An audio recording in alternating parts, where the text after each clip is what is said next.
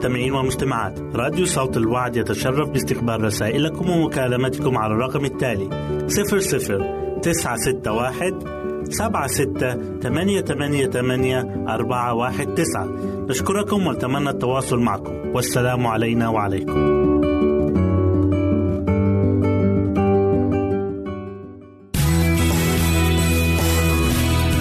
يمكنك استماع وتحميل برامجنا من موقعنا على الإنترنت www.awr.org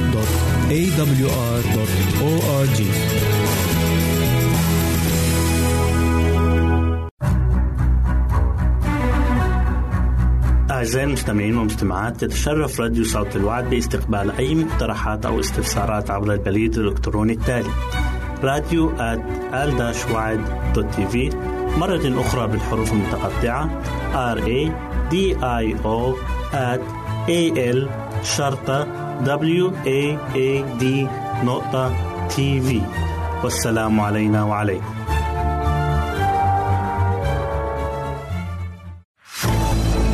أعزائي المستمعين والمستمعات راديو صوت الوعد لا يكتفي بخدمتكم عبر الموجات الصوتية فقط بل وإنه يطرح لكم موقعا إلكترونيا يمكنكم من خلاله مشاهدة أجمل البرامج الدينية الثقافية الاجتماعية وغيرها من المواضيع الشيقة. يمكنكم زيارة الموقع من خلال العنوان التالي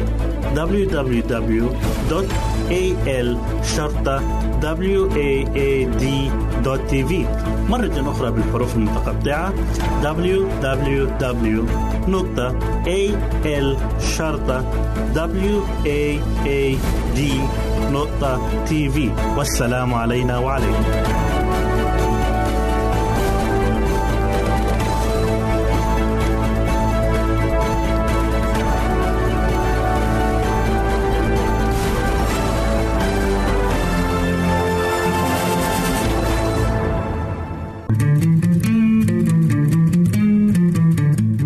تستمعون إلى إذاعة صوت الوعي.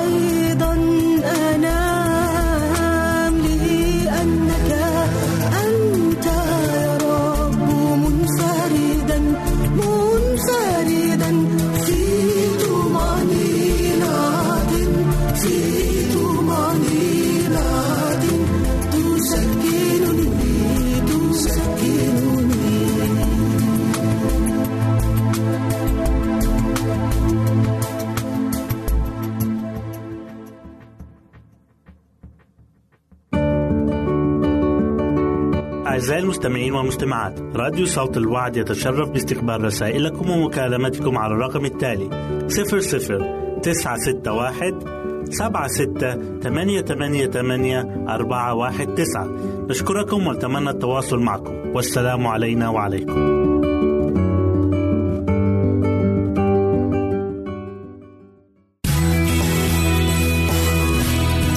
يمكنك استماع وتحميل برامجنا من موقعنا على الإنترنت www.awr.org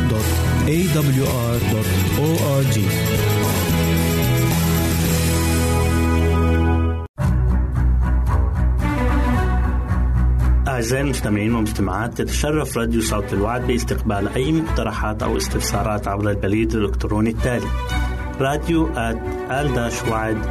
في مرة أخرى بالحروف المتقطعة R A D I O at A L شرطة W A A D نقطة تي في والسلام علينا وعليكم. أهلا وسهلا بكم مستمعين الكرام في كل مكان. يسعدني أن أقدم لكم برنامج السراج المنير. وما زلنا نتأمل في بعض التطويبات التي وردت في موعظة السيد المسيح على الجبل. وحلقة اليوم بعنوان طوبى للحزانة. يقول الكتاب المقدس في بشارة متى إصحاح خمسة والآية أربعة طوبى للحزانة لأنهم يتعزون. إن هذا الحزن لا يشير إلى الحزن الناتج من ظروف الحياة المتقلبة بل إلى الحزن الذي يختبره المرء نتيجة ندمه على الخطية وأيضا نتيجة شركته العميقة مع الله. لذلك لا يشمل الحزن من أجل خطية الإنسان الشخصية فقط بل أيضا من أجل حالة العالم المروعة ورفضه للمخلص. وهلاك أولئك الذين يرفضون رحمة الله.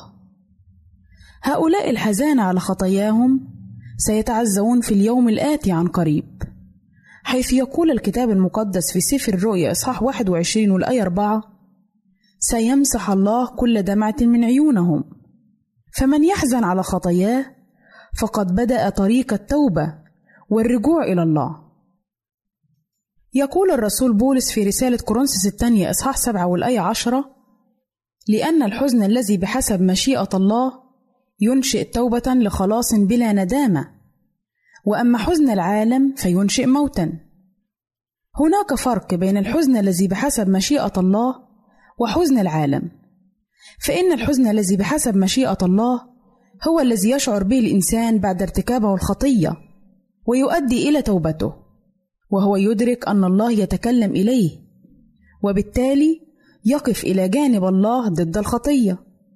وقد يرتبط هذا الحزن المقدس بالتجارب التي يتعرض لها المؤمنين كقول الرسول بطرس للمتغربين المتألمين إذ يقول في بطرس الأولى إصحاح واحد والآية ستة إن كان يجب تحزنون يسيرا بتجارب متنوعة.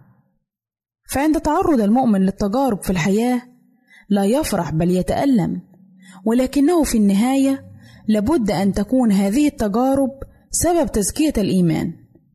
قد يسمح الرب لأحد أولاده بالتأديب والتهذيب لتنقية وتكريس الحياة وهذا التأديب قد يسبب شيئا من الحزن والألم لكن النتيجة مباركة ونافعة.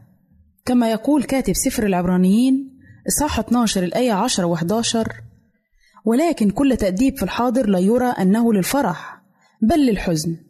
وأما أخيرا فيعطي الذين يتدربون به ثمر بر للسلام. ليست القداسة دعوة إلى الكآبة ولكنها دعوة إلى الفرح الذي لا يستطيع العالم أن ينزعه. وقد أكد السيد المسيح هذه الحقيقة بقوله للتلاميذ قبيل الصليب في إنجيل يوحنا إصحاح 16 والآية 20 الحق الحق أقول لكم إنكم ستبكون وتنوحون والعالم يفرح أنتم ستحزنون ولكن حزنكم يتحول إلى فرح. وكان السيد المسيح بكلامه هذا يقصد ما سوف يصيبهم من أحزان بصفة عامة وما سوف يحزنون به لسبب صلبه بصفة خاصة. ولهذا استطرد قائلا في إنجيل يوحنا إصحاح 16 والآية 22 فأنتم كذلك عندكم الآن حزن ولكني سأراكم أيضا فتفرح قلوبكم ولا ينزع أحد فرحكم منكم. ونرى أيضا داود النبي عندما صعد في مصعد جبال الزيتون كان يصعد باكيا ورأسه مغطى وكان يمشي حافيا. إذ تقول الآيات في سفر صموئيل الثاني إصحاح 15 والآية 30 وأما داود فصعد في مصعد جبل الزيتون وكان يصعد باكيا ورأسه مغطى ويمشي حافيا. وجميع الشعب الذين معه غطوا كل واحد رأسه وكانوا يصعدون وهم يبكون. وقد شهدت علامات الإذلال الخارجة عن انسحاقه. وفي عبارات باكية صادرة من قلبه عرض قضيته على الله والرب لم يترك عبده. لقد قال في سفر الرؤيا إصحاح 3 والآية 19 إني كل من أحبه أوبخه وأؤدبه فكن غيورا وتب. إن الرب يسوع يرفع من سحقي القلب وينقي النفس الحزينة حتى تصير مسكنا له. لم يقدم المسيح دعوة للاكتئاب والحزن. لقد تحدث الرب يسوع عن الملكوت وصفات سكان الملكوت. الرب لا يريد أن يرى أولاده حزانة بل فرحين. لذلك قال في سفر التثنية إصحاح 16 والآية 15 فلا تكن إلا فرحا. وفي رسالة فيليبي إصحاح 4 والآية 4 و5 يقول افرحوا في الرب كل حين وأقول أيضا افرحوا ليكن حلمكم معروفا عند جميع الناس الرب قريب. فبكل تأكيد لا يقصد الرب يسوع تشجيع الحزن والاكتئاب وعدم الفرح إطلاقا. لقد ارتبط ميلاد الرب يسوع وتجسده بفرح عظيم. إذ يقول الكتاب المقدس عندما بشرت الملائكة الرعاة في إنجيل لوقا إصحاح 2 والآية 10 لا تخافوا فها أنا أبشركم بفرح عظيم يكون لجميع الشعب. وارتبط أيضا خلاص الله بالفرح فكل من تقابل مع السيد المسيح ذهب في طريقه فرحا. لكن هناك حزن يطوبه الرب يسوع. في حياة المؤمنين. وهذا واضح جدا في توبة داود عن خطيته والتي صحبتها دموع وانكسار وحزن. فالله يكره التوبة الشفوية ويقبل التوبة الصادقة. كان النبي داود يبكي وينوح تائبا عن خطيته. قائلا في المزمور ستة والعدد ستة تعبت في تنهدي أعوم في كل ليلة سريري بدموعي أذوب فراشي. إخوتي الأحباء ما أبعد الفارق بين حزن نجلبه على أنفسنا بسبب خطايانا وزلاتنا أو اندماجنا في العالم الشرير وحزن القلب على الخطية التي نرتكبها ونندم عليها ونتوب إلى الله. إلى هنا نأتي أعزائي إلى نهاية برنامجنا السراج المنير وسلام الله معكم. أعزائي المستمعين والمستمعات راديو صوت الوعد لا يكتفي بخدمتكم عبر الموجات الصوتية فقط بل وإنه يطرح لكم موقعا إلكترونيا يمكنكم من خلاله مشاهدة أجمل البرامج الدينية الثقافية الاجتماعية وغيرها من المواضيع الشيقة. يمكنكم زيارة الموقع من خلال العنوان التالي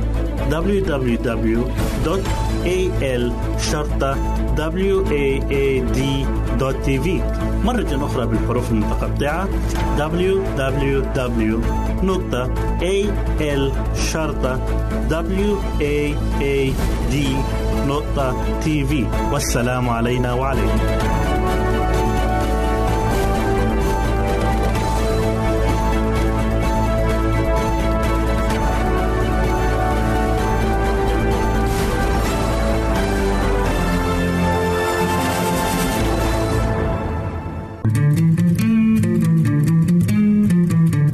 أنتم تستمعون إلى إذاعة صوت الوعد.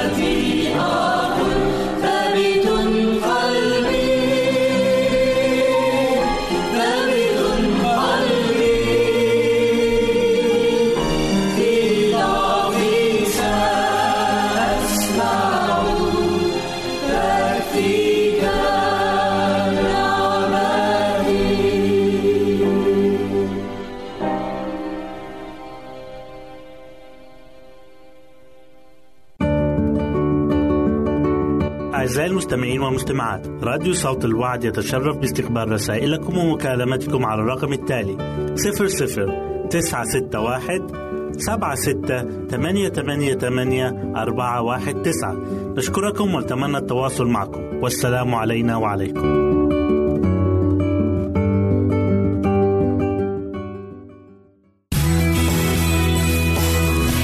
يمكنك استماع وتحميل برامجنا من موقعنا على الإنترنت. www.awr.org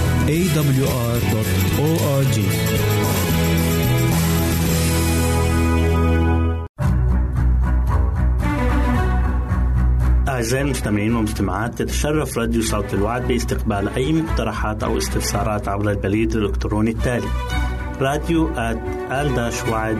TV مرة أخرى بالحروف المتقطعة R A D I O at A L شرطة W A A D نقطة TV والسلام علينا وعليكم.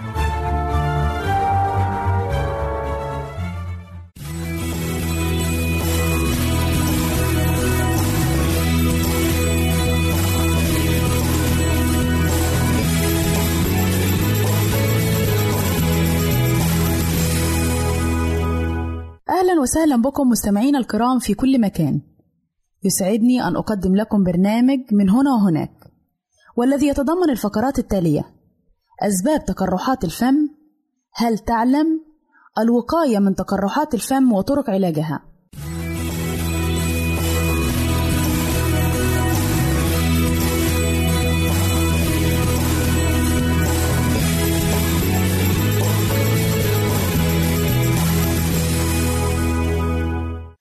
فقراتنا نتكلم فيها عن أسباب تقرحات الفم.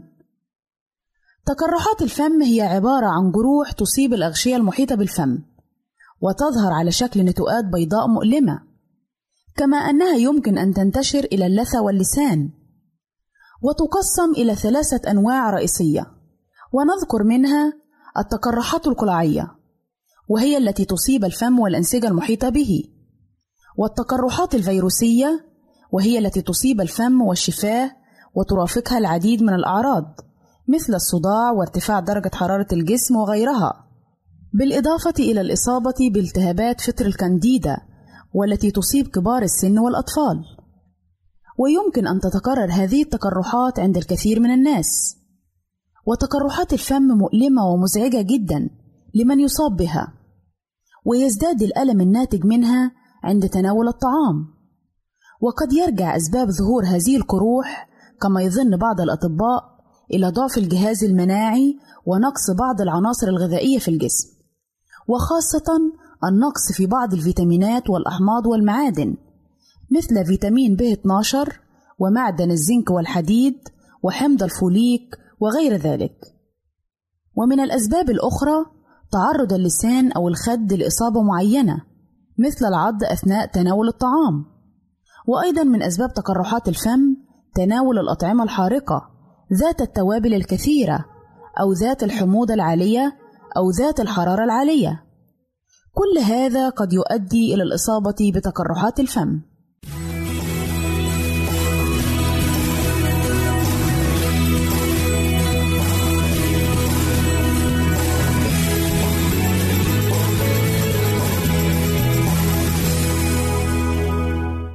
أهلا وسهلا بكم مجددا أعزائي المستمعين إليكم فقرتنا الثانية وهي بعنوان هل تعلم؟ هل تعلم أن تنظيف اللسان جزء أساسي للتخلص من رائحة الفم الكريهة؟ حيث أن اللسان هو المضيف للبكتيريا التي تؤدي لظهور رائحة كريهة للفم لذا يجب الاهتمام بتنظيف اللسان يوميا للحد من هذه الرائحة الكريهة هل تعلم أنه يجب استبدال فرشاة الأسنان الخاصة بك كل ثلاثة أو أربعة شهور للوقاية من الجراثيم عند حدوث أي مشكلة في الأسنان أو الفم؟ هل تعلم أن الكازين وبروتين اللبن الموجود بالجبن يساعد على بقاء المينا الخاصة بأسنانك في أفضل حالاتها لأنها تساعد على إبقاء الأملاح المعدنية بالإضافة لدور الكالسيوم الموجود بالجبن في بناء الأسنان؟ هل تعلم أن تناول التفاح أو الكمثرى أو الجزر أو الكرفس يزيد من إفراز اللعاب الذي يساعد على جعل الأسنان مشرقة؟ هل تعلم أن فمك يحتاج إلى اللعاب لكي يبقى صحيًا ولجعل الفم رطبًا يجب تناول كمية كبيرة من السوائل كما يمكنك أيضًا مضغ اللبان أي العلكة التي لا تحتوي على سكر بعد الوجبات؟ هل تعلم أن اهتمامك بأسنانك وصحة فمك لا يحتاج إلى الوقت الكثير ولكنه يجعلك تمتلك ابتسامة مشرقة جميلة تزيد من جمال وجهك ومن إشراقته؟ وأخيرا هل تعلم أن غسل الفم المتكرر بعد الوجبات وتنظيف الأسنان بالخيط مرة واحدة في اليوم يحتفظ بالفم نظيفا وخاليا من الأطعمة التي قد تحفز ظهور القرحة؟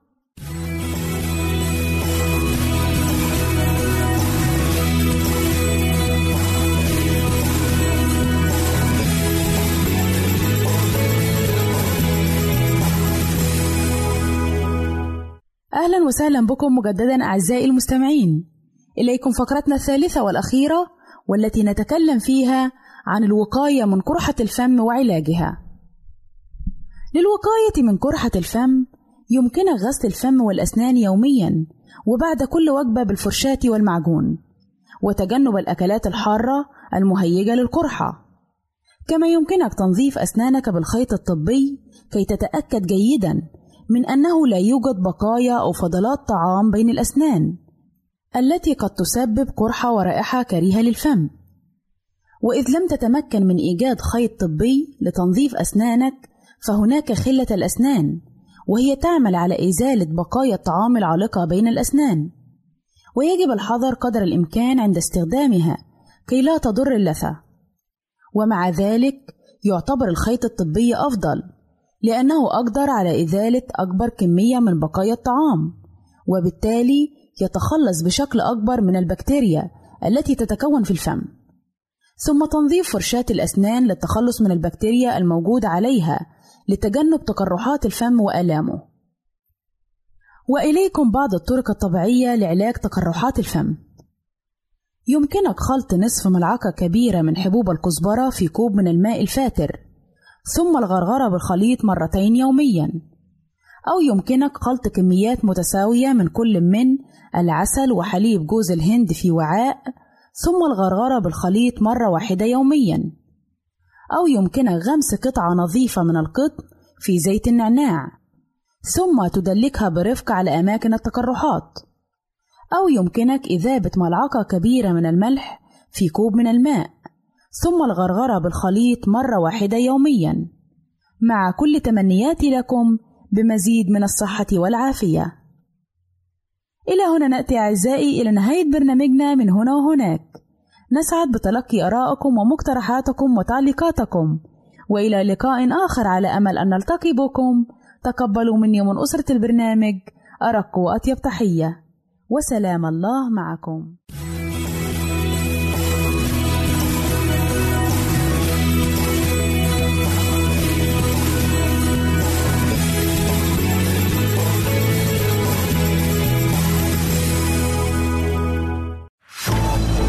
أعزائي المستمعين والمستمعات راديو صوت الوعد لا يكتفي بخدمتكم عبر الموجات الصوتية فقط بل وإنه يطرح لكم موقعا إلكترونيا يمكنكم من خلاله مشاهدة أجمل البرامج الدينية الثقافية الاجتماعية وغيرها من المواضيع الشيقة. يمكنكم زيارة الموقع من خلال العنوان التالي www.al-waad.tv مرة أخرى بالحروف المتقطعة www.al-waad.tv والسلام علينا وعليكم.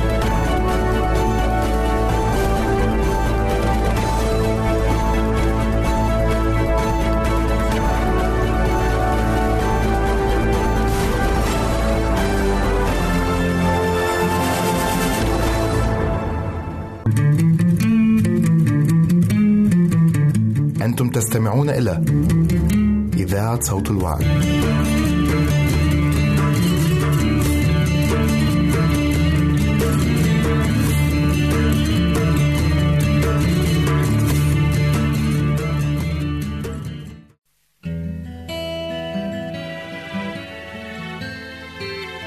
إلهي يسوع أيها المجروح لأجل معاصية أيها المسحوق لأجل آثامي يا من قد ظلم فتدلل ولم يفتح فاه. فكان كشاة تساق إلى الذبح وكنعجة صامتة أمام جزيرة يا من كان في العالم ولم يعرفه العالم. يا من أنكره الأحباء وخانه الأقرباء.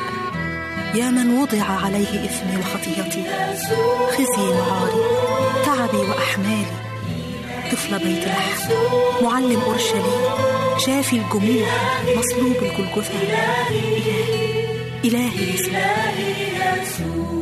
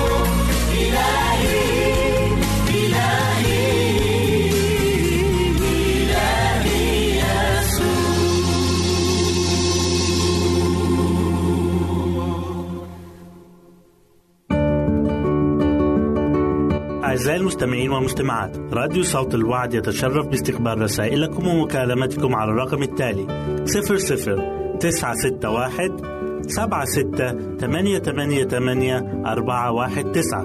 نشكركم ونتمنى التواصل معكم. والسلام علينا وعليكم.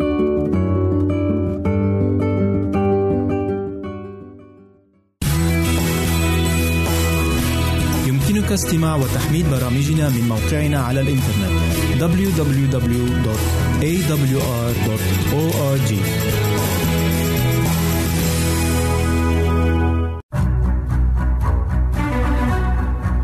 أعزائي المستمعين والمستمعات تتشرف راديو صوت الوعد باستقبال أي مقترحات أو استفسارات عبر البريد الإلكتروني التالي راديو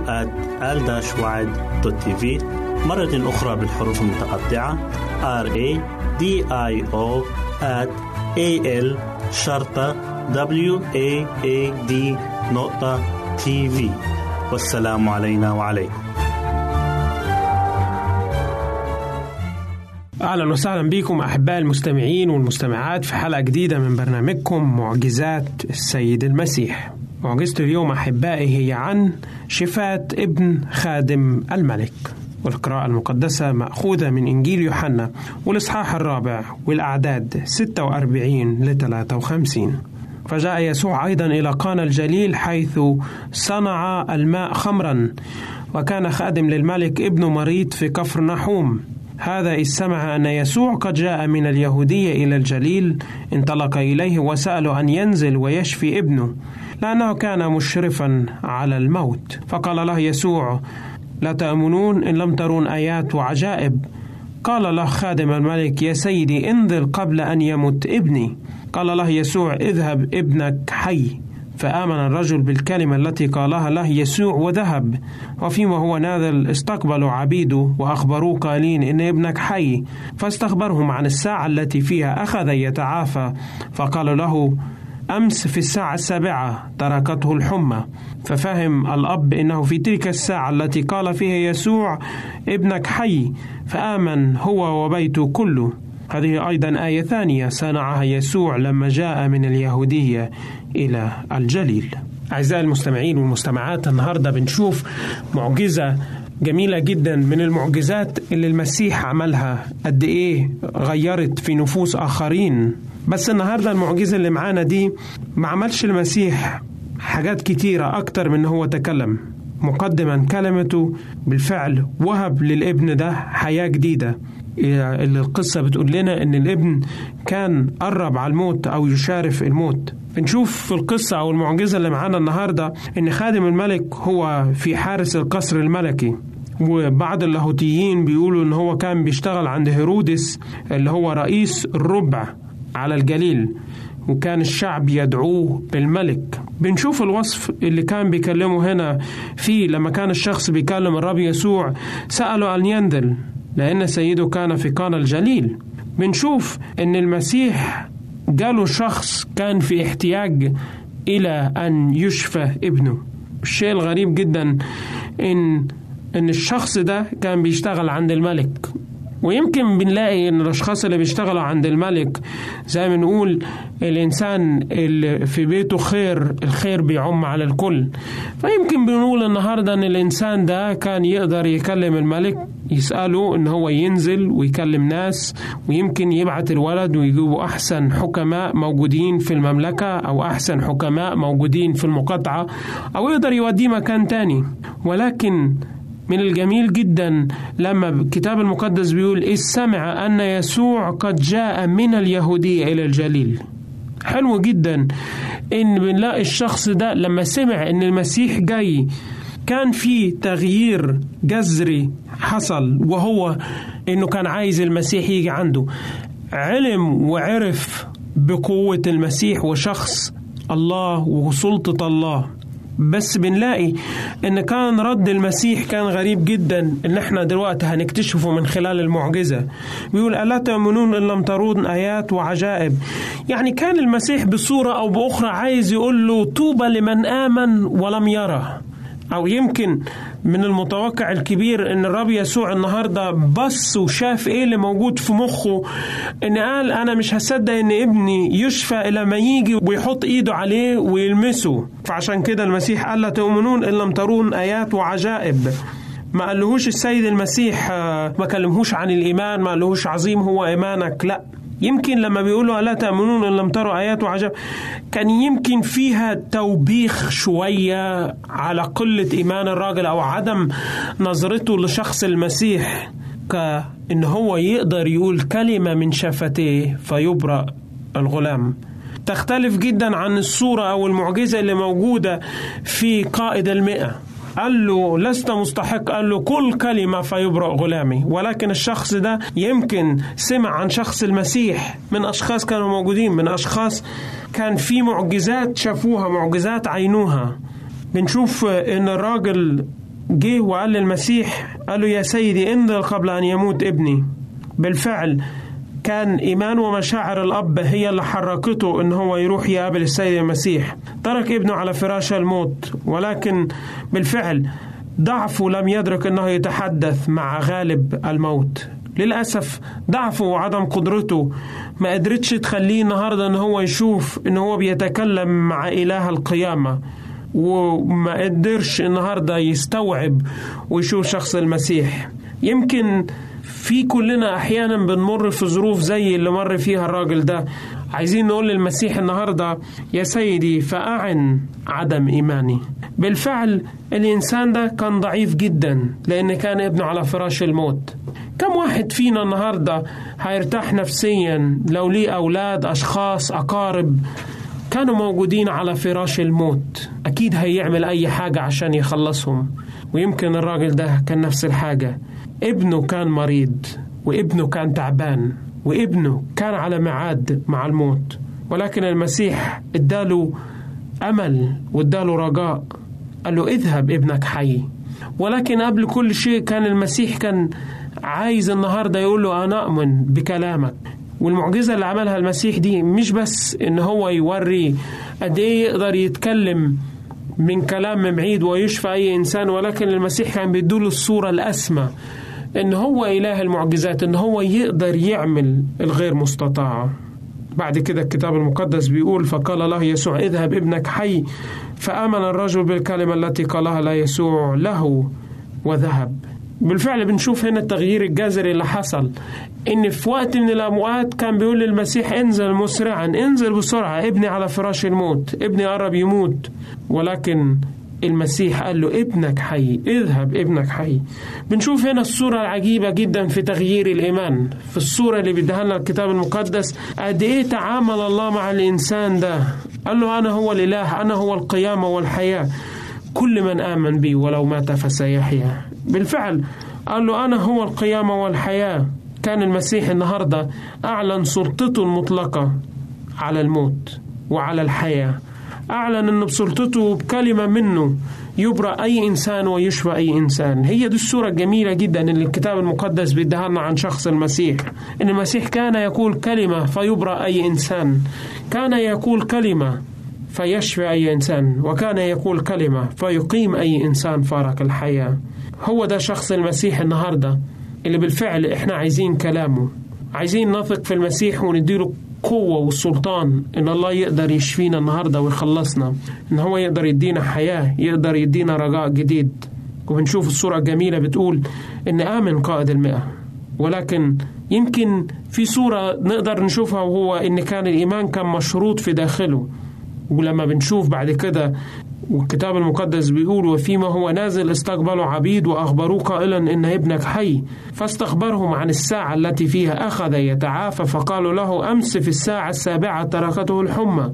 بنشوف هنا إن أول ما عرف إن ابنه خف آمن. وهي دي الصورة اللي بتديها لنا بالظبط عن المعجزة الموجودة إن الإنسان لما ما كانش عنده إيمان طلب من المسيح إن هو يجي طلب من المسيح إن هو ينزل بيته ولكن المسيح كان عايز يخليه يعرف الصورة الأسمى الصورة الأكبر من كده طوبى لمن آمن ولم يرى. قال له أنت سمعت عني. ويمكن ناس تعرفهم حصل معهم معجزات ولكن أنت النهاردة مش عايز تآمن إلا ما يكون في شيء فعلي موجود. وهو ده الصعب جدا. حلو جدا الآية اللي بتكلمنا في متى 12 وعدد 20 بيقول فتيلة مدخنة لا يطفئها وقصبة مردودة لا يقصفها. بالفعل هو الراعي الصالح والراعي الصالح بيهتم بخرافه الضعيفة وبيساعدها. وهو ده كان عمل المسيح لما جه على الأرض. يعيد الخراف الضالة مرة ثانية. وعلشان كده وقف قدام توما وقال له توبة لمن آمن ولم يرى. نفس الدرس اللي المسيح كان عايز يعلمه للإنسان ده ويمكن المسيح عايز يعلمنا نفس الدرس ده النهاردة. توبة لمن آمن ولم يرى. كل كلمة عايزين النهاردة يكون بالفعل عندنا إيمان. عايزين يكون عندنا بالفعل الرجاء إن إحنا نقدر نشوف شخص الرب يسوع ونتعامل معه في حياتنا. الله النهاردة عايزنا بالفعل نآمن فيه ونآمن بسلطته وبقوته. بالفعل كانت معجزة عظيمة جدا. اللي عملها الرب يسوع في الساعة السابعة من اليوم. كان يسوع بالفعل يخاطب خادم الملك وبيقول له إن ابنك حي في تلك الساعة. شفى والمسيح النهاردة بيخاطب كل إنسان فينا وبيكلم كل إنسان فينا إن الله بيستجيب لصلواتنا. مش النهاردة مش لازم إن لازم يكون معاك برهان مادي لا لازم النهاردة تعيش حياة الإيمان. آمن فقط فيبرأ. آمن فقط. بالفعل هي دي الكلمات اللي تفوه بها الرب يسوع. آمن فقط. الله النهاردة عايزنا نآمن. عايزنا نعطيه قلوبنا ونعطيه حياتنا ونسلم له حياتنا وأفكارنا الكاملة. بالفعل المسيح النهاردة عايزنا نكون تحت ولادة ثانية تحت أمل جديد تحت رجاء جديد. حتى ولو وصلت حياتنا في مراحل خطيرة جدا المسيح النهاردة بيقول آمنوا إن لم تروا. وهو ده بالفعل الدرس اللي المسيح عايز يعلمه لكل واحد فينا النهارده. وهو ده اللي المسيح عايزه يعمله معاك ومعايا ومع كل إنسان النهارده. يبحث عن الحقيقة تبحثون عن الحق والحق يحرركم. وبالفعل هو أن حرركم الإبن فبالحقيقة أنتم أحرار. حبايب المستمعين والمستمعات سلام الرب لجميعكم وإلى اللقاء.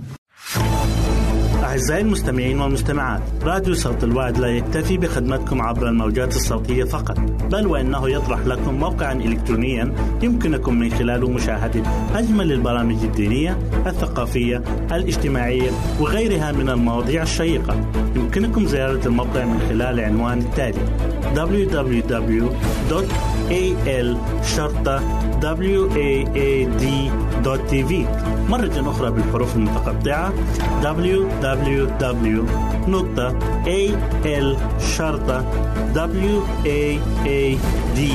www.al-waad.tv والسلام علينا وعليكم.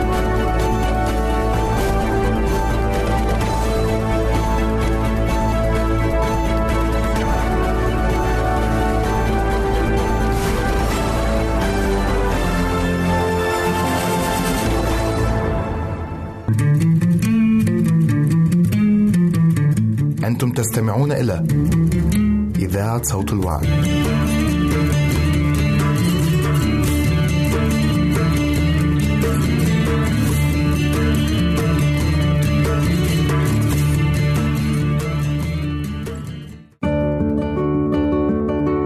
أعزائي المستمعين والمستمعات راديو صوت الوعد يتشرف باستقبال رسائلكم ومكالمتكم على الرقم التالي 00 961 سبعة ستة ثمانية ثمانية ثمانية أربعة واحد تسعة. نشكركم ونتمنى التواصل معكم. والسلام علينا وعليكم.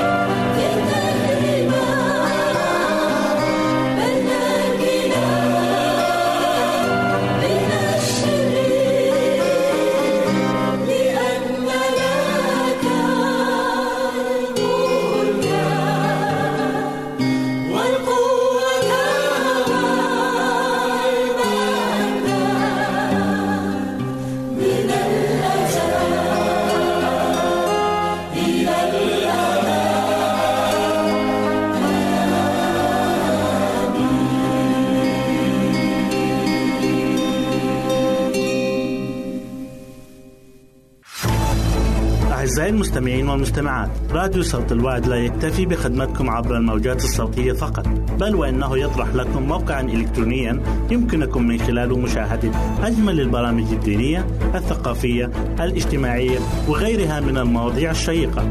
يمكنكم زيارة الموقع من خلال العنوان التالي www.al waad.tv مرة أخرى بالحروف المتقطعة www.al-waad.tv والسلام علينا وعليكم.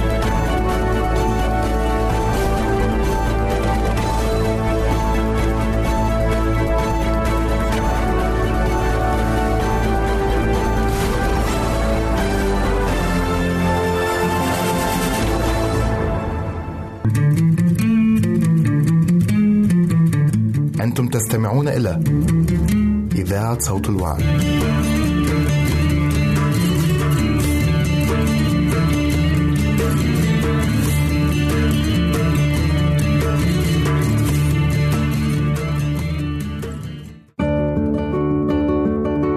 أعزائي المستمعين والمستمعات راديو صوت الوعد يتشرف باستقبال رسائلكم ومكالمتكم على الرقم التالي 00 961 سبعة ستة ثمانية ثمانية ثمانية أربعة واحد تسعة. نشكركم ونتمنى التواصل معكم. والسلام علينا وعليكم.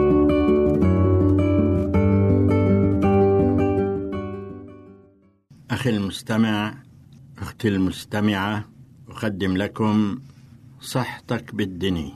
صحيح أن كل من خلق علق ويصح هنا قول الشاعر كل ابن أنثى وإن طالت سلامته يوما على آلة حدباء محمول.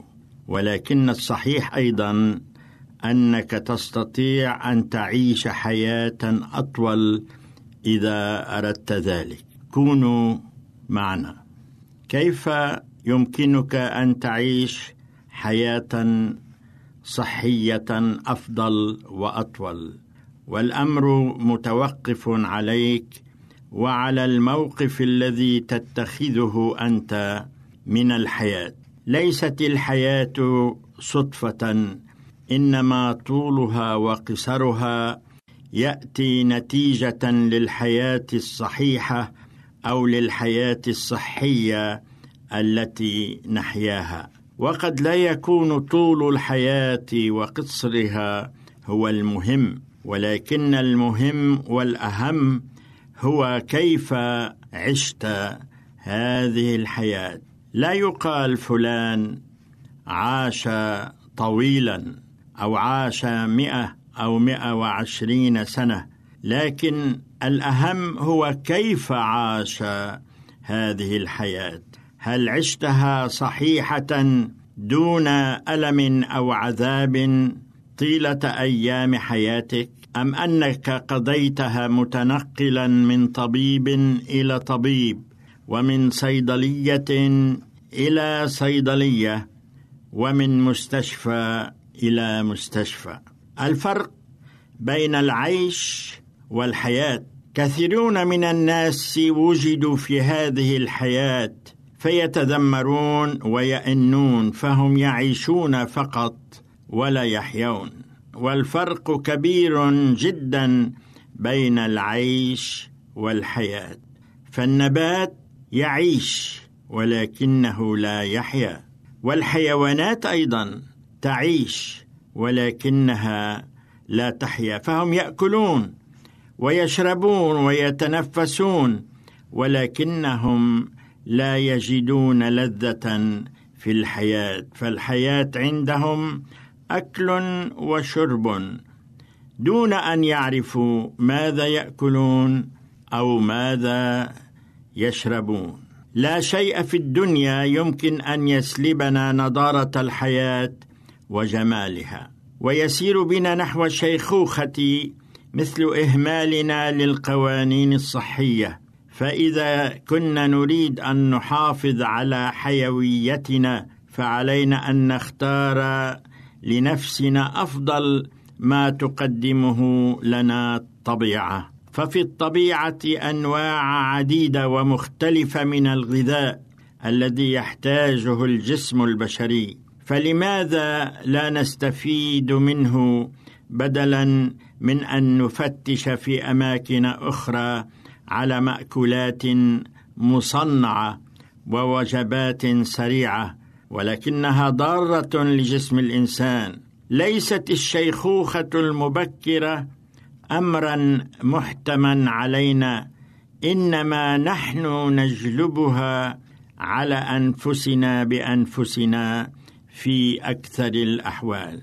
ليكن شعارنا العقل السليم بالجسم السليم. ليس من الضروري بمكان أن يكون المال من مكونات السعادة حيث يحكى عن أحد الأثرياء الكبار وقد كان تعيسا جدا مع أنه كان غنيا يأكل أفضل الطعام ويلبس أجمل الثياب فأشير عليه أن يلبس قميصا لأحد السعداء ولما فتشوا له عن شخص سعيد لكي يأخذ ثوبه كي يلبسه لسوء الحظ.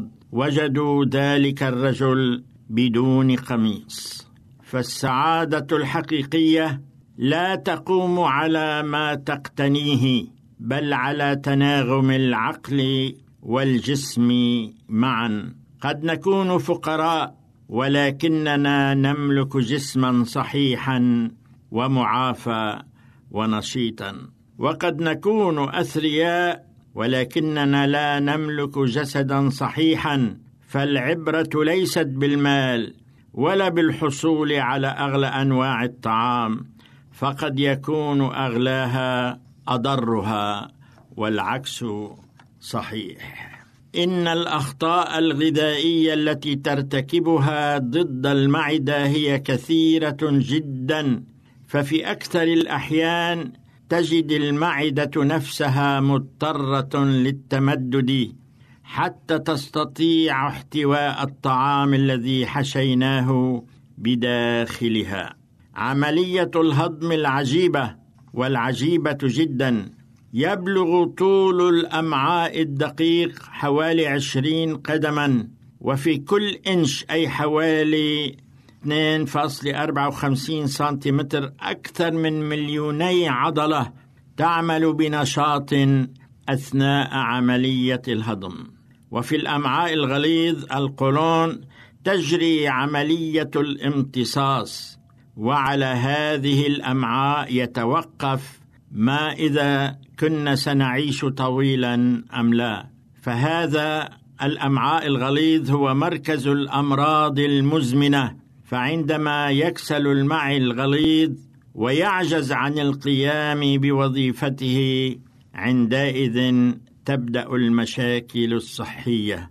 إن أفضل ما يمكن أن يعمله الإنسان إذا أصيب بالإمساك هو أن يدرس القوانين الصحية ويختار الأطعمة الصحيحة ولا يحاول معالجة نفسه بالعقاقير التي تساعد على الإسهال لأنهم يزيدون المعي الغليظ ضعفا فوق ضعف من أجل حياة أطول وأفضل. تذكر دائما أن طعامك يتحكم في حياتك وإليك بعض النصائح والإرشادات التي تحتاجها. لا تحمل معدتك فوق طاقتها. وابتعد عن الأطعمة المكررة كالطحين الأبيض والسكر الأبيض والأرز المقشور. فهذه المواد لا تقوي الجسم بل تضعفه وليكن طعامك في أوقات منتظمة. وعند تناول الطعام ينبغي الابتعاد عن كل ما يؤثر على الأعصاب. لأن ذلك يزيد من ارتفاع ضغط الدم ويحول دون امتصاص الجسم للمواد المغذية في الطعام. أيضا تجنب المنبهات لأنها تؤثر على جهازك العصبي وإلى جانب هذا يجب أن تنعم براحة العقل والجسم. ذلك لأن الراحة والنوم ضروريان للجسم كالطعام. ولا تحمل مشاكلك معك إلى الفراش بل إلق همك على الله وهو يهتم بها. فترتاح وتجد السلام والفرح وتحيا حياة أفضل ذات قيمة وفائدة. كان معكم شحاد الحلبي.